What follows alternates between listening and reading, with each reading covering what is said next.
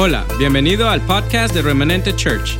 Esperamos que esta palabra te edifique y te inspire a acercarte a Dios. Disfruta el mensaje.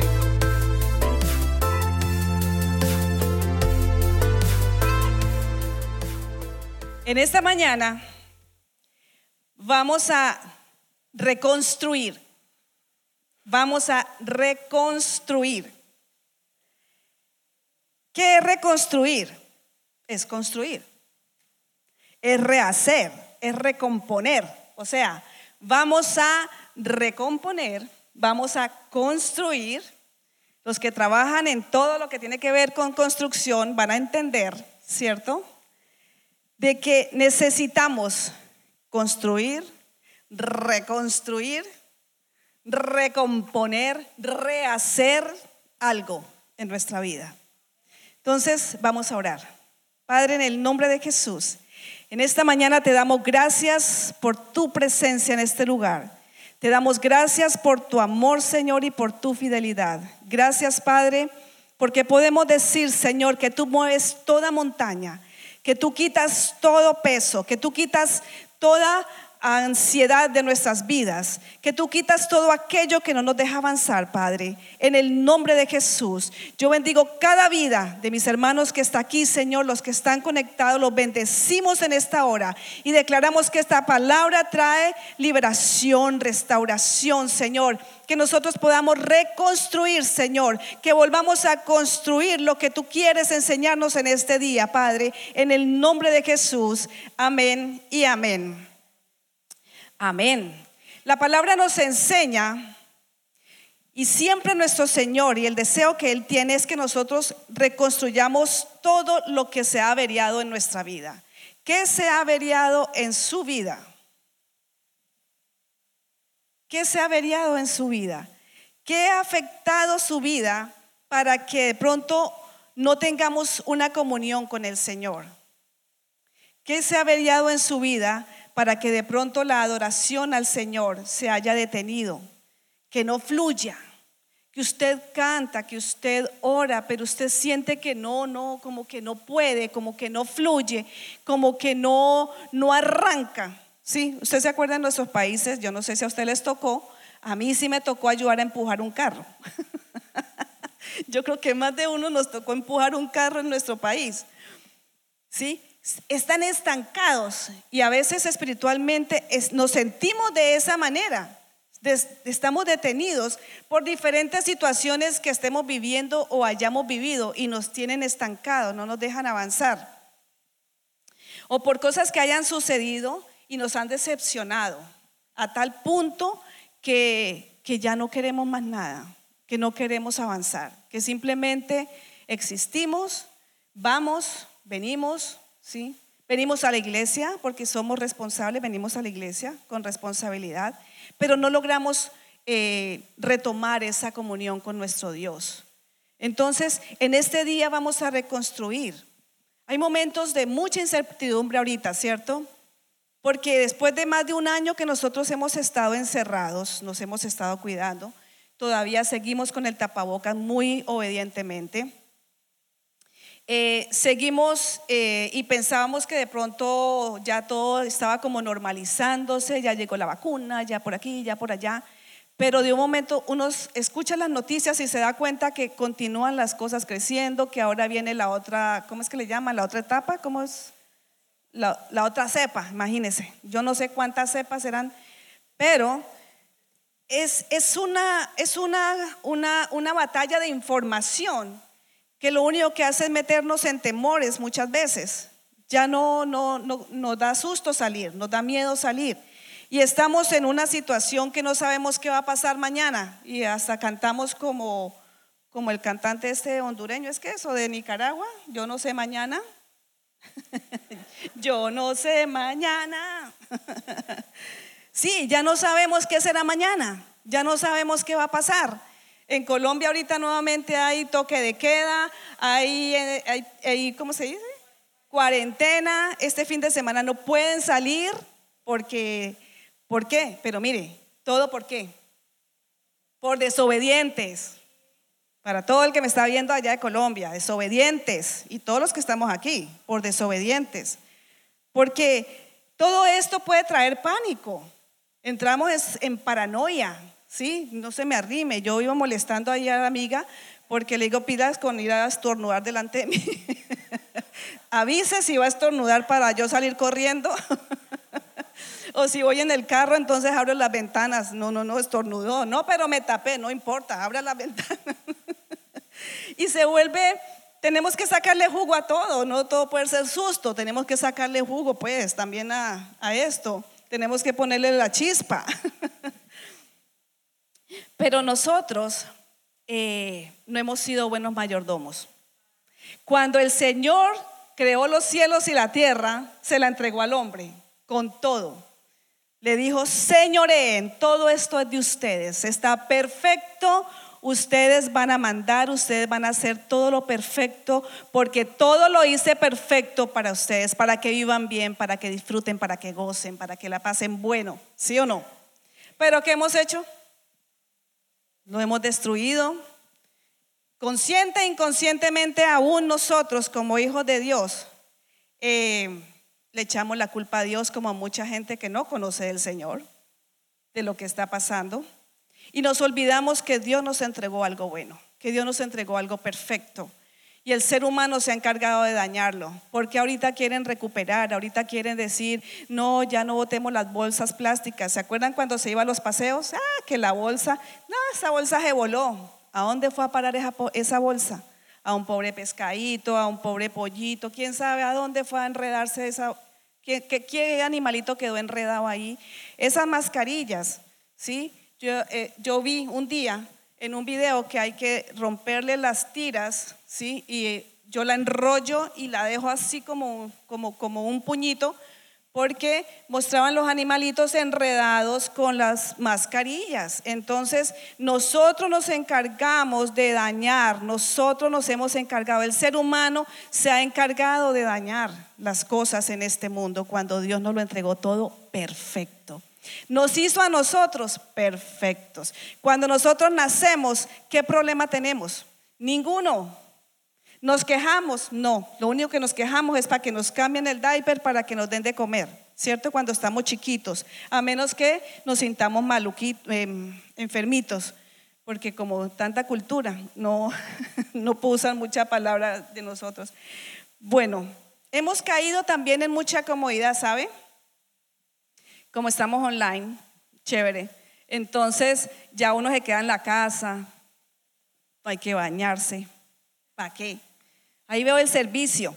Ah, pero mientras la hermana está hablando, yo me voy haciendo el café, ¿cierto? Y entonces uno va y se calienta el pancito y luego se sienta bien chévere como en la cafetería. ¿Usted cree que uno está concentrado? Para nada, porque justo se le quemó la lengua con el café.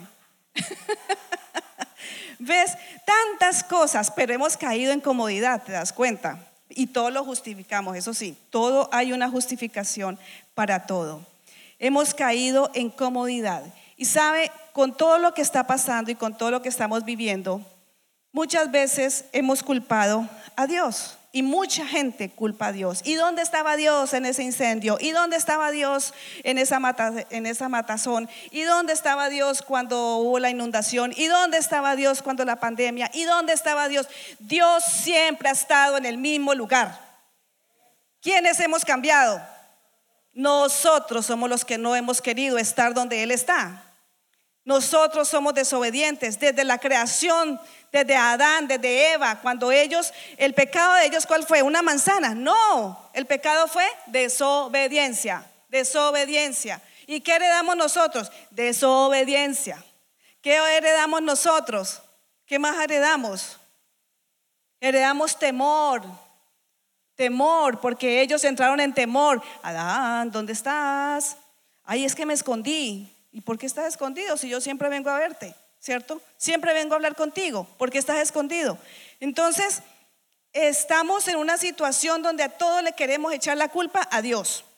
Y si algo nos pasa, entonces fue el pastor que no me visitó. Y si algo nos sucedió, ah, eso fue por lo que dijeron. Y siempre hay un por qué y un quién, pero nunca yo. Ah, no, yo no como. ¿Cómo si yo soy tan buena? yo no peco, yo camino bien, yo hago el bien, ¿sí? Entonces vivimos, eh, vivimos confundidos, ¿saben?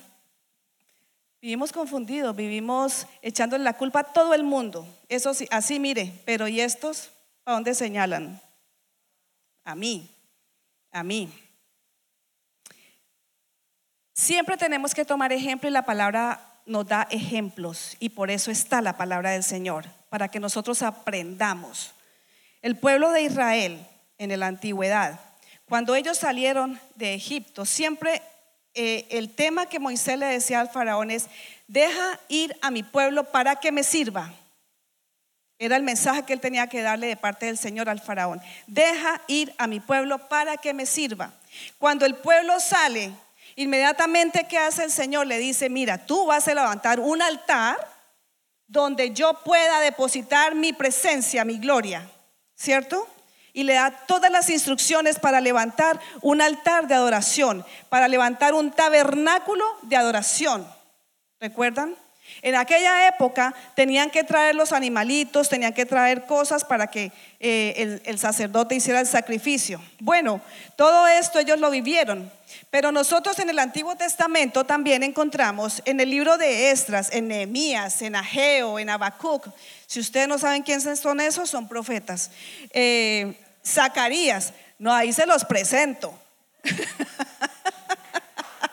ahí se los presento, porque es que a veces, a veces leemos el Nuevo Testamento y sabemos de pronto Antiguo Testamento hasta Proverbios, Eclesiastés, tal vez, mm, de pronto Cantares ya no entra. Eh, me han mencionado a Isaías, a Jeremías, de pronto a Daniel, hemos enseñado a Daniel. Pero Ageo, ¿y ese de dónde salió? y Zacarías, ¿de dónde salió? Y Habacuc. Y bueno, pero estas, en estos libros y estos profetas, Dios les hizo un llamado para que ellos reconstruyeran los muros de Jerusalén y para que construyeran su templo de adoración.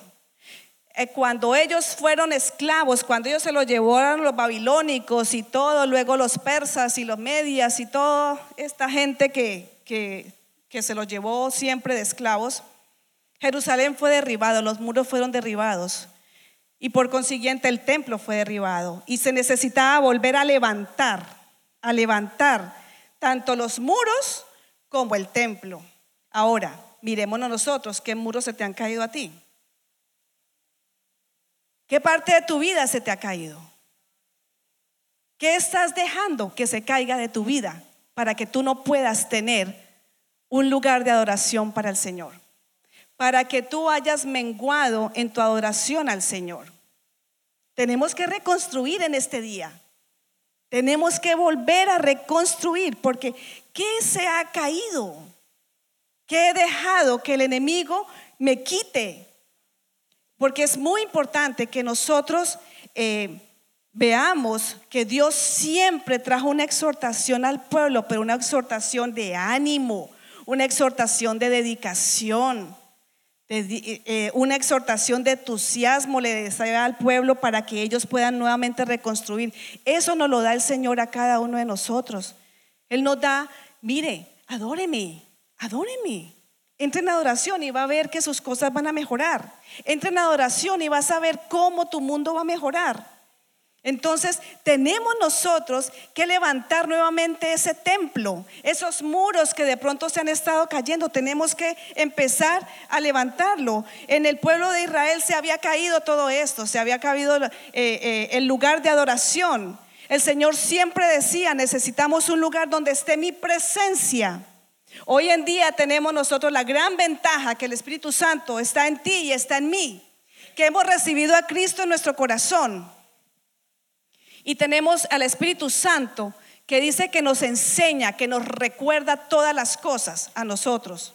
Entonces, ¿qué había pasado con el pueblo? Por todo esto que ellos estaban pasando, por todo lo que habían pasado, habían dejado la adoración, habían dejado la búsqueda del Señor. Estaban centrados en sus propias preocupaciones, en todo lo que representaba regresar a un lugar que está destruido. Entonces, eh, el Señor, eh, ustedes saben que Él siempre nos va a bendecir cuando nosotros lo tenemos a Él como primer lugar. Si usted lo tiene como un segundo, tercero, cuarto, quinto lugar, no espere que a la primera que usted ore el Señor le vaya a responder, porque ni siquiera le va a oír. Es así, es simple, no nos va a escuchar. Pensamos que esto es una varita mágica, no lo es, no lo es. Esto es de entrega, esto es de dedicación, esto es de, de entregarle todas aquellas cosas que a nosotros todavía nos detienen. Es tiempo de que nosotros reconstruyamos nuestra adoración al Señor, de que reconstruyamos nuevamente los muros de bendición para nuestra vida. Amén. Entonces, vamos a, ubíquese en Ageo. Hmm, haga la tarea ahí. Mientras usted encuentra Ageo, yo le voy a dar un, más o menos un resumen de que, de que los nombres que aparecen allí, como Zorobabel, que era el gobernador, y Josué como el sumo sacerdote, ellos eran líderes del primer retorno de cautivos a Jerusalén para reconstruir el templo. Entonces, en ese tiempo estaba un gobernador, había un sacerdote. Pero ¿qué pasaba? Habían opositores. Siempre usted va a encontrar quien le diga, no hagas eso, Siempre va a haber alguien que te diga, no te metas por allí. Siempre va a haber alguien que te detiene en todo el ánimo que tú tienes y te lo va a tratar de detener. Pero ¿qué vas a hacer tú? Esa es la pregunta, ¿qué vas a hacer tú? Entonces, ellos habían abandonado todo, todo lo que era eh, la obra del Señor. El Señor les dijo, reconstruyan, pero ellos como habían tantos opositores que le decían que no iban a poner, que de dónde, de dónde plata. A ver, ustedes de dónde van a construir, de dónde van a sacar un ladrillo, de dónde van a hacer las cosas, ¿cierto? Entonces ellos simplemente se olvidan de la casa del Señor. Se olvidan del templo, del lugar de adoración. Se olvidan de venir al que todo lo puede. Se olvidan de eso y se dedican a levantar sus propias cosas. Empiezan a trabajar por lo de ellos. ¿Se asemejará en algo en nosotros? Yo no sé. Solo usted lo sabe, el Señor le está hablando en este día. Nos preocupamos por lo de nosotros, nosotros, nosotros, nosotros, nosotros, y si de pronto nos queda, de pronto seguimos preocupándonos por nosotros. Entonces, ellos se construyeron sus casas, y construyen todo, empiezan a vivir bien, pero como Dios es grande en misericordia, como Dios es grande en amor, como Dios es fiel, porque es que Dios nos ama, Dios nos ama tal cual y como somos. No importa de qué pata cogemos, Dios nos ama. Amén. Dios nos ama y Dios amaba a su pueblo. Por eso Él le dice al profeta Geo que anime al pueblo anímelo para que el, pueblo retorne a lo que, a lo, al principio, a lo que es. Entonces leamos aquí en Ageo capítulo 1.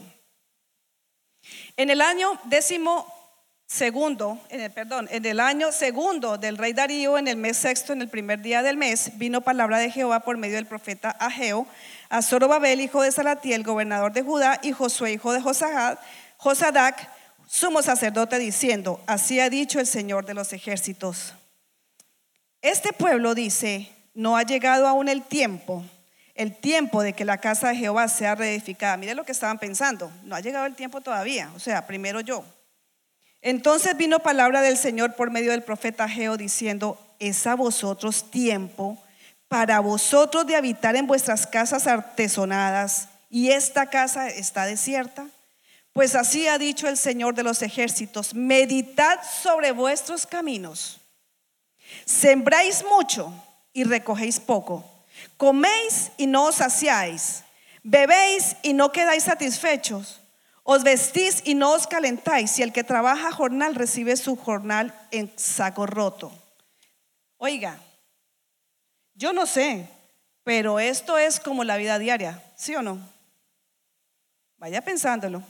Así ha dicho el Señor de los ejércitos, meditad sobre vuestros caminos. Subid al monte y traed madera y reedificad la casa y pondré en ella mi voluntad y seré glorificado allí. Buscáis mucho y halláis poco y encerráis en casa y yo lo disiparé en un soplo. ¿Por qué? Dice el Señor de los ejércitos, por cuanto mi casa está desierta y cada uno de vosotros corre a su propia casa. Por eso se detuvo de los cielos sobre vosotros la lluvia y la tierra detuvo sus frutos y llamé la sequía sobre esta tierra, sobre los montes, sobre el trigo, sobre el vino, sobre el aceite, sobre todo lo que la tierra produce, sobre los hombres y sobre las bestias y sobre todo trabajo de las manos. Y oyó Zorobabel, y voy a omitir porque es que es como muy trabado estos nombres, sumo sacerdote y todo el resto del pueblo, la voz de Jehová su Dios y las palabras del profeta Geo, como le había enviado Jehová su Dios, y temió el pueblo delante del Señor. Ya cuando vemos que el agua nos está llegando al cuello, ese es un dicho colombiano, yo no sé usted si lo entiende. Cuando ya el agua está aquí, ahí clamamos al Señor. O el agua ya está acá, clamamos al Señor, Señor, y es que tú no me escuchas, Señor, tú sabes que soy buena. Sí, pero ha desobedecido, mi hija. Ha desobedecido, ¿sí? Somos desobedientes. No estamos alineados a lo que Dios nos está diciendo. Para el Señor, ¿qué era lo primordial? ¿Qué era lo primordial para Él? Que la presencia del Señor estuviera ahí, que ellos pensaran en Él, que ellos tuvieran en cuenta que tienen que tener un altar de adoración que cada uno de nosotros levantemos ese altar. Pero ellos estaban completamente en lo que era de ellos, en lo suyo, en el trabajo, en cómo levanto, en cómo hago. Tengo que comprar allí, tengo que comprar allá, tengo que irme para allá y tengo que irme para acá. ¿Sí? Y el Señor. Y el Señor. ¿Y dónde está tu altar? ¿Cómo está tu altar de adoración? El Señor está con nosotros, el Señor nos direcciona cada día, cada día nos instruye, nos tiene paciencia, nos ayuda. ¿Sí o no? El Señor está con nosotros. Es posible que tu, altar esté agrietado, que no se haya caído, solamente está agrietado, agrietado. Has dejado algo por diferentes situaciones, por diferentes circunstancias. O aún tú hayas sentido que el Señor no te escucha y eso te ha traído desánimo en tu corazón. Pero es tiempo de que nos levantemos y empecemos a reconstruir todo aquello que ha sido afectado. ¿Cómo se tapa una grieta? Hablándolo así, o sea, en construcción. Pues en mi país, como no había pues todo lo de madera, era ladrillo, ¿cierto? Se compraba el cemento, se trabaja el cemento y se empieza a qué? A rellenar, tratando nosotros de que quede como estaba originalmente, ¿cierto? Nosotros tenemos que empezar a reconstruir nuestro altar. ¿Dónde se agrietó? ¿Qué trajo esa grieta a tu corazón? ¿Qué trajo esa grieta a tu vida? ¿Un enojo? ¿Una molestia? ¿Una mirada? una palabra? ¿Qué trajo una grieta a tu corazón? ¿Qué está deteniendo tu vida de adoración a nuestro Dios? ¿Qué está? ¿Dónde estás estancado? ¿Dónde está estancada tu bendición? Porque acuérdate que la bendición no es porque tú tienes algo. La bendición empieza aquí en el corazón, porque Dios trabaja de adentro hacia afuera. Podemos mostrar casa, carro, beca, todo perfecto. Pero ¿qué acá? ¿Qué hay acá adentro de nuestro corazón? ¿Está agrietado? ¿Se ha dañado? Esperemos que no se caiga ningún muro, que solamente hayan por ahí grieticas, ¿cierto? Que podamos reparar. En el capítulo 2, versículo 1 al 4 dice, espérenme un segundito, denme permiso, me tomo una agüita. Dice, en el mes séptimo, a los 21 días del mes, vino palabra de Jehová por medio del profeta Geo diciendo, habla ahora Zorobabel, hijo de Salatiel, gobernador de Judá, y a Josué, hijo de Josafat, sumo sacerdote y al resto del pueblo diciendo, ¿quién ha quedado entre vosotros que haya visto esta casa en su gloria primera? ¿Y cómo la veis ahora? ¿No es ella como nada delante de tus ojos? Pues ahora, Salatiel, esfuérzate, dice el Señor. Esfuérzate tú también, hijo de Josadac, sumo sacerdote, y cobrad ánimo, pueblo, todo de la tierra, dice el Señor. Y trabajad, porque yo estoy con vosotros, dice el Señor de los ejércitos. Amén. Ay, yo de usted brincaría, yo de usted diría, amén. Gracias Señor porque tú me amas, porque no importa qué, no importa qué situación yo esté viviendo, tú me estás diciendo que me esfuerce, tú me estás diciendo que me levante, tú me estás diciendo que cobre ánimo. Amén. No importa lo que escuchemos, no importa lo que esté pasando afuera. Lo que importa es cómo está tu corazón delante del Señor.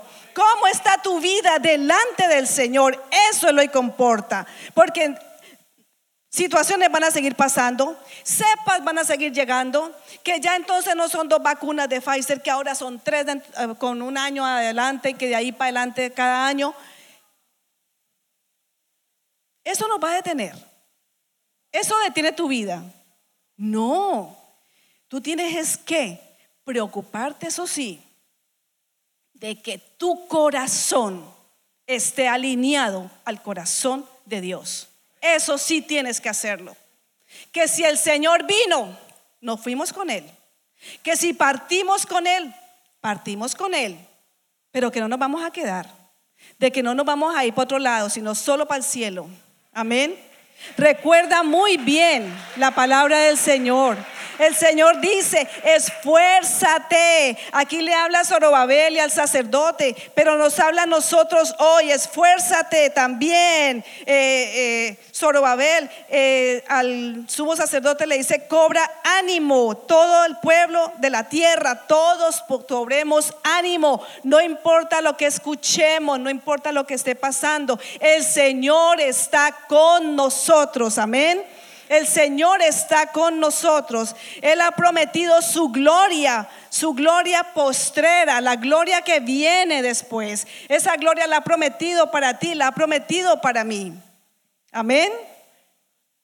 Entonces, eh, Él ha prometido una nueva gloria de poder. Mire el versículo, el 6 y el 7 dice, porque así dice el Señor de los ejércitos, de aquí a poco yo haré temblar los cielos y la tierra, el mar y la tierra seca, y haré temblar a todas las naciones y vendrán el deseado de todas las naciones. ¿Quién es?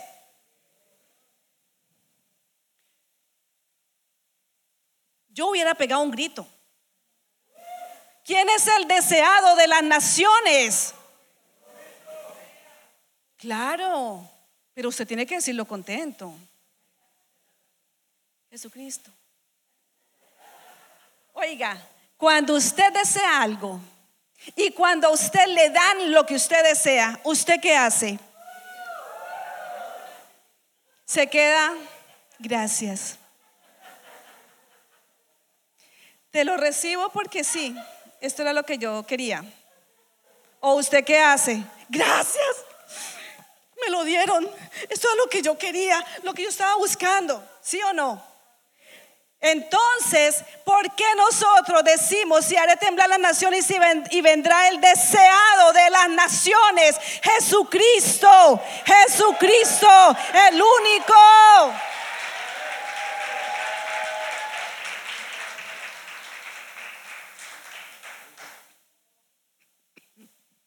Amén. Oiga, todo lo que hay que hacer para que peguen un grito. ¿Qué tal que estuvieran en el estadio ustedes y hagan un gol, el equipo que usted quiere? A ver.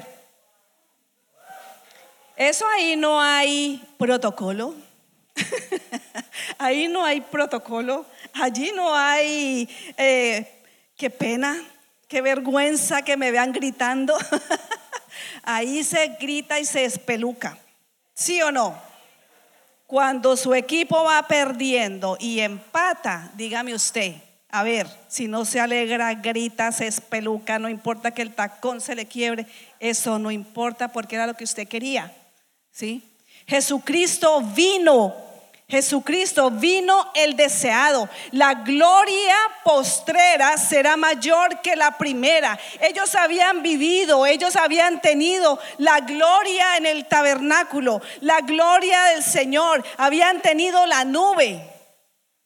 La nube, la columna de fuego, la Shekinah del Señor había estado con ellos durante todo el tiempo. Esa Shekinah está con nosotros, está dentro de nosotros, porque es la presencia del Señor en nuestra vida, porque es Jesucristo mismo en nosotros. Cuando hemos venido a la presencia del Señor, cuando tú has aceptado a Cristo en tu corazón, cuando tú le has dicho, te entrego mi vida, te entrego mi corazón, yo quiero, Señor, que tú seas mi Dios que tú seas mi Señor, que tú me guíes, que tú me ayudes cada día. Ese día, ese día la gloria Shekinah del Señor viene sobre ti. Hoy viene sobre ti. Si tú has dejado que tu corazón se agriete, que tu corazón se dañe por lo que haya sido, por una palabra, por una acción, por una mirada, por lo que sea, es tiempo de que te levantes en esta mañana. Es tiempo de que le digas hasta aquí, hasta aquí, hasta aquí. La gloria del Señor está sobre ti, está sobre ti, está sobre ti. Adora al Señor ahí donde usted está. Adore, levante las manos al Señor y adórele, porque la gloria del Señor está aquí, está en tu vida, está en tu vida, está en tu vida. El Señor está sobre ti en este día para restaurar, para reconstruir. Levanta adoración al Señor. La gloria del Señor es la expresión evidente de la existencia de Dios, haciéndose real, palpable a cada uno de nosotros. En el pueblo de Israel, ellos que vivían, la presencia se iba a, raíz del pecado. Abandona, los abandonaba. Pero nosotros vivimos en un nuevo pacto, el pacto de la gracia. Cuando de pronto usted dice, bueno, pero yo cómo puedo de qué manera yo me puedo estar alejando de, del Señor o de tener este altar si yo oro, yo canto, ¿sí? Pero muchas veces nosotros tomamos decisiones fuera del Señor. Tomamos decisiones fuera del Señor. No tomamos en cuenta a Dios para nuestras cosas. No las tomamos en cuenta.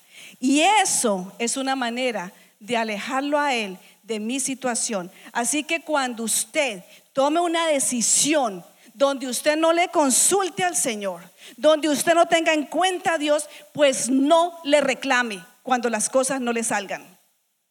Así es, de sencillo. Eso es como los papás. Los papás nos advierten, los papás los dicen, ¿sí? Mi hijo por ahí no, mi hijo por ahí no, ah, no, pues mi hijo sí.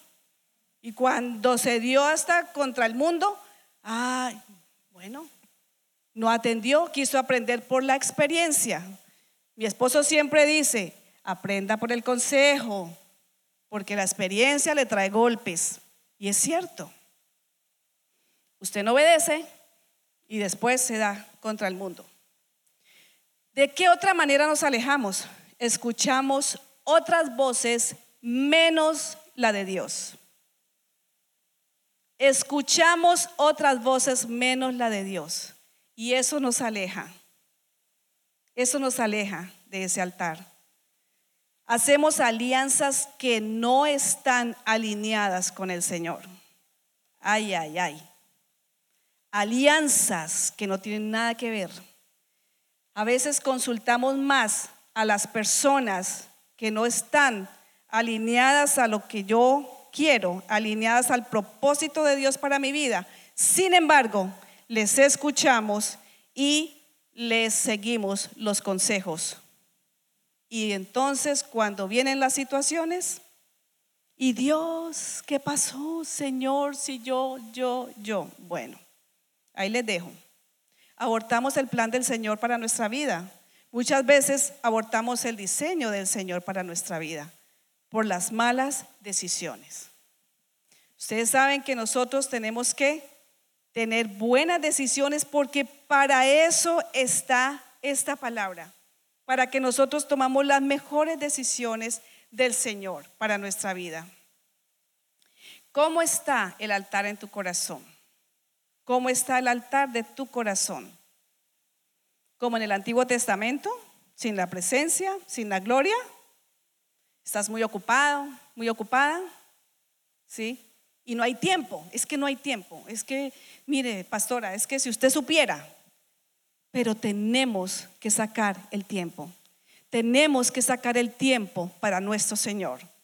Dios quiere habitar en altares dispuestos, corazones dispuestos. Ahí quiere estar el Señor. Que su gloria esté en este lugar. Que su gloria esté sobre tu vida. Que su gloria, esa Shekinah del Señor, esté siempre en ti. Que tú puedas caminar en lo que Dios dijo. ¿Qué te cuesta preguntarle al Señor si eso no es? Pero es que como no estamos acostumbrados a que sí, no, sí. Queremos que Dios nos diga, no, por ahí no. No, aquí está la palabra. Para eso está. Aprenda a leer la palabra, o sea, pídale al Señor. Cuando usted la lea, Señor, háblame, háblame. Mire, hoy aprendí, Señor, que había un Zacarías, que había un Ageo. Hoy aprendí, Señor, que había un Nehemías. Hoy aprendí, Señor, una cantidad de nombres que yo ni sabía, pero ahí están en la palabra. Y Dios usó a todos estos hombres para volver el pueblo a Él. Qué interesante. El amor de Dios es tan grande que Dios usa, Dios usa personas para que tú vuelvas tu corazón a Él. Que vuelva tu corazón a Él. El altar que yo levante a Dios en mi corazón va a determinar mi nivel de victoria. Y también va a determinar si el enemigo lo dejo entrar o no lo dejo entrar. Es mi decisión. Entonces, levantemos un altar. Mire que hay algo que el Señor nos, nos dice aquí en el versículo en el versículo 8, porque si yo me alineo con el Señor, milagros van a suceder, milagros van a pasar. Y mire lo que dice el versículo 8. Mía es la plata y mío es el oro. Dice, ¿quién? Jehová de los ejércitos. Si yo, toda la problemática, si lo miramos en el pueblo de Israel, desobediencia, ¿cierto? Desobediencia y muchas cosas que que ellos de pronto hicieron. Si yo miro mi vida y camino en desobediencia, entonces me estoy exponiendo también a que las bendiciones paren, a que las bendiciones se detengan.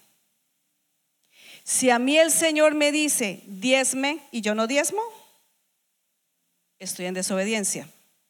Si a mí el Señor me dice, perdone y no perdono, estoy en desobediencia. Si a mí el Señor me dice, ame y no amo, estoy en desobediencia. Entonces, nosotros como hijos de Dios tenemos que empezar a caminar en obediencia. Caminar en obediencia va a empezar a, hacer que esa grieta empiece a sanar que usted empiece a colocar allí todo lo que va dentro de un, de una, ¿cómo le dicen en su país lo que usted hace? El cemento. Colocar el cemento y va a ir sanando hasta que usted ya llega y de un momento a otro ya le hizo el, en mi país le decimos repello, pero aquí ¿cómo le dicen? Eso, el resane, ajá. Luego ya usted lo lija y ya usted después lo puede pintar. Y vuelve y le queda bonito, ya lo reconstruyó. Haga eso con su corazón. Haga eso con su vida de adoración. Haga eso con su vida de, de intimidad con el Señor. Hemos dejado, hemos dejado, nos hemos olvidado muchas veces. Pero Dios necesita que nosotros nos alineemos. Y cuando Él dice, Porque dice en el versículo 7, haré temblar todas las naciones y vendrá el deseado de las naciones y llenaré de gloria esta casa, ha dicho el Señor. Tu casa, tu casa, tu casa y llenaré tu casa de mi gloria, ha dicho el Señor. Entonces él dice, mía es la plata, mío es el oro, dice el Señor. La gloria postrera de esta casa será mayor que la primera, ha dicho el Señor de los ejércitos, y daré paz en este lugar dice Jehová de los ejércitos. Amén. Amén, amén. Reconstruye Reconstruye tu adoración a nuestro Dios. Reconstruye lo que el Señor te está entregando, lo que el Señor te ha dado y de pronto lo has dejado. Reconstrúyelo nuevamente. Rehaz todo aquello que el Señor quiere ayudarte. La gloria postrera, esa presencia del Señor será mayor de la que cuando tú lo conociste, de la que tú has ido caminando. La gloria será mayor, la presencia del Señor será mayor cuando tú decides, decides, que decides obedecer y caminar. Amén. Vamos a, a, ustedes se conocen este versículo cuando uno siempre dice, deleítate en el Señor, deleítate en el Señor. Pero ¿sabe qué? Nosotros siempre decimos, el Señor te concederá las peticiones de tu corazón. Entonces es un buen deseo el Señor te va a conceder todo lo que, ¿sí? Lo que hay en tu corazón. Pero es que acuérdense, hay una condición. ¿Cuál es? Deleítate en el Señor. Tres palabras. Deleítate en el Señor. Entonces, si yo me deleito, Él va a conceder las peticiones de mi corazón. Así que nosotros tenemos que caminar en lo que el Señor ha dicho. Recuerden que Jesucristo llevó el pecado sin ser pecador de todos nosotros para que pudiéramos nosotros ser parte de esta gloria, de esta gloria. Miren lo que dice, por último vamos a leer Hebreos, Hebreos 2, 9 y 10 en una carrerita porque los números del reloj están bien grandes. Y ya lo vi.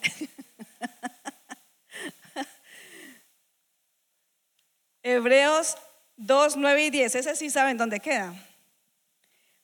Pero vemos a aquel que fue hecho un poco menor que los ángeles, a Jesús, coronado de gloria y de honra a causa del padecimiento de la muerte, para que por la gracia de Dios gustase la muerte por todos porque convenía a aquel por cuya causa son todas las cosas y por quien todas las cosas subsisten, que habiendo de llevar muchos hijos a la gloria, perfeccionase por aflicciones al autor y de la salvación de ellos.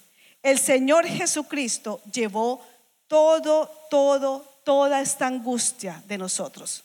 El Señor Jesucristo llevó tu carga, llevó mi carga, a la cruz. El Señor Jesucristo dio su vida por cada uno de nosotros. Esa gloria, esa gloria que Él contiene, es una gloria que Él nos da. Usted no está solo.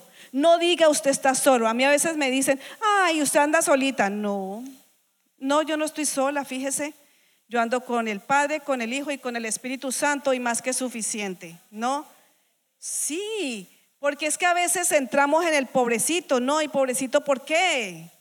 No, no, no, no, no, quitémonos todas esas arandelas de nuestra vida, de nuestra mente, que abramos nuestra mente, nuestro corazón al Señor, abramos nuestra mente y nuestro corazón a la palabra del Señor. Jesucristo pagó por ti, Jesucristo pagó por ti, Jesucristo pagó por mí, Jesucristo pagó por ti. Él está, Él está en cada uno de nosotros. La gloria, la gloria postrera será mayor que la primera. Así que hermano, levántate en esta mañana. Levántate y adora al Señor y dile gracias, Padre. Gracias por dar a tu Hijo Jesucristo. Da gracias, Señor, por esa gloria, por esa gloria mayor, por tu presencia en mi vida. Gracias, Padre. Gracias, Señor. Gracias, Señor. Ponte de pie, hermano, por favor.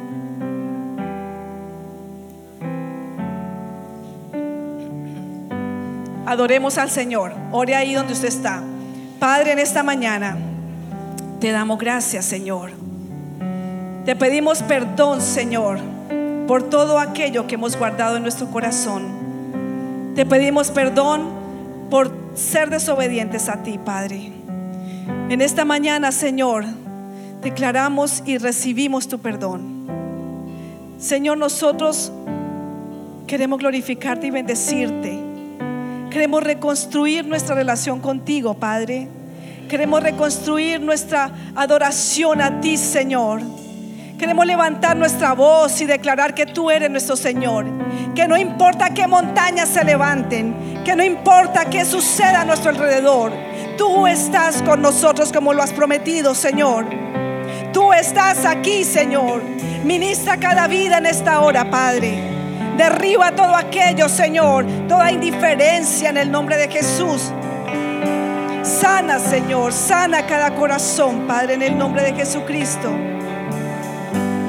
Solo tú conoces la condición de cada uno de nosotros, Padre. Y yo declaro tu poder, declaro tu misericordia, declaro tu amor, Padre, en esta mañana. Declaro, Señor, que tú estás aquí. Tú estás aquí, Señor. Aleluya. Bendito eres. Tú eres fiel, Señor. Esperamos que este mensaje haya sido de bendición. No te olvides de suscribirte a nuestro podcast y seguirnos en Facebook e Instagram arroba remanente church.